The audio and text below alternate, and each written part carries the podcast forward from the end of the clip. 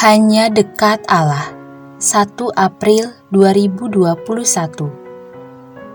Mencemoohkan hukum. Amsal 19 ayat 28 hingga 29. Dalam ayat 28 dinyatakan, saksi yang tidak berguna mencemoohkan hukum, dan mulut orang fasik menelan dusta. Amsal ini berbicara soal sidang di pengadilan. Tentu saja, dalam sebuah persidangan, para saksi harus dimintai keterangan agar hakim dapat memutuskan seadil-adilnya. Kehadiran saksi sungguh penting, karena setiap pihak yang bertikai pasti merasa dirinya benar. Untuk itu, saksi perlu bersumpah atau berjanji bahwa kesaksiannya benar dan hanya menjunjung kebenaran.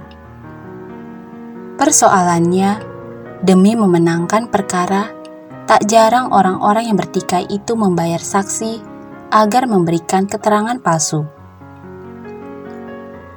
Jelaslah, tak ada gunanya saksi tipe begini. Tak hanya itu, dia sendiri juga telah mencemoohkan hukum. Mereka tidak lagi menjunjung keadilan karena mereka tahu kesaksian mereka bisa membuat orang yang bersalah dianggap benar dan orang yang benar dianggap bersalah. Dalam Alkitab BIMK tertera, memberi kesaksian palsu berarti meremehkan hukum, mencelakakan orang sedap rasanya bagi orang jahat. Amsal ini hendak mengingatkan bahwa memberi kesaksian palsu, apa pun alasannya, haram hukumnya. Itu juga kejahatan keji, karena mereka bersuka cita di atas penderitaan orang lain. Padahal orang lain itu tak berbuat salah sedikit pun. Semuanya bersumber dan bermuara pada uang.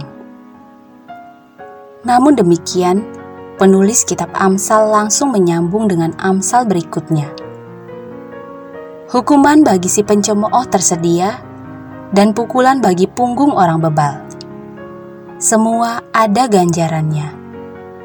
Percayalah.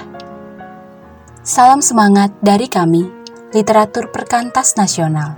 Sahabat Anda bertumbuh.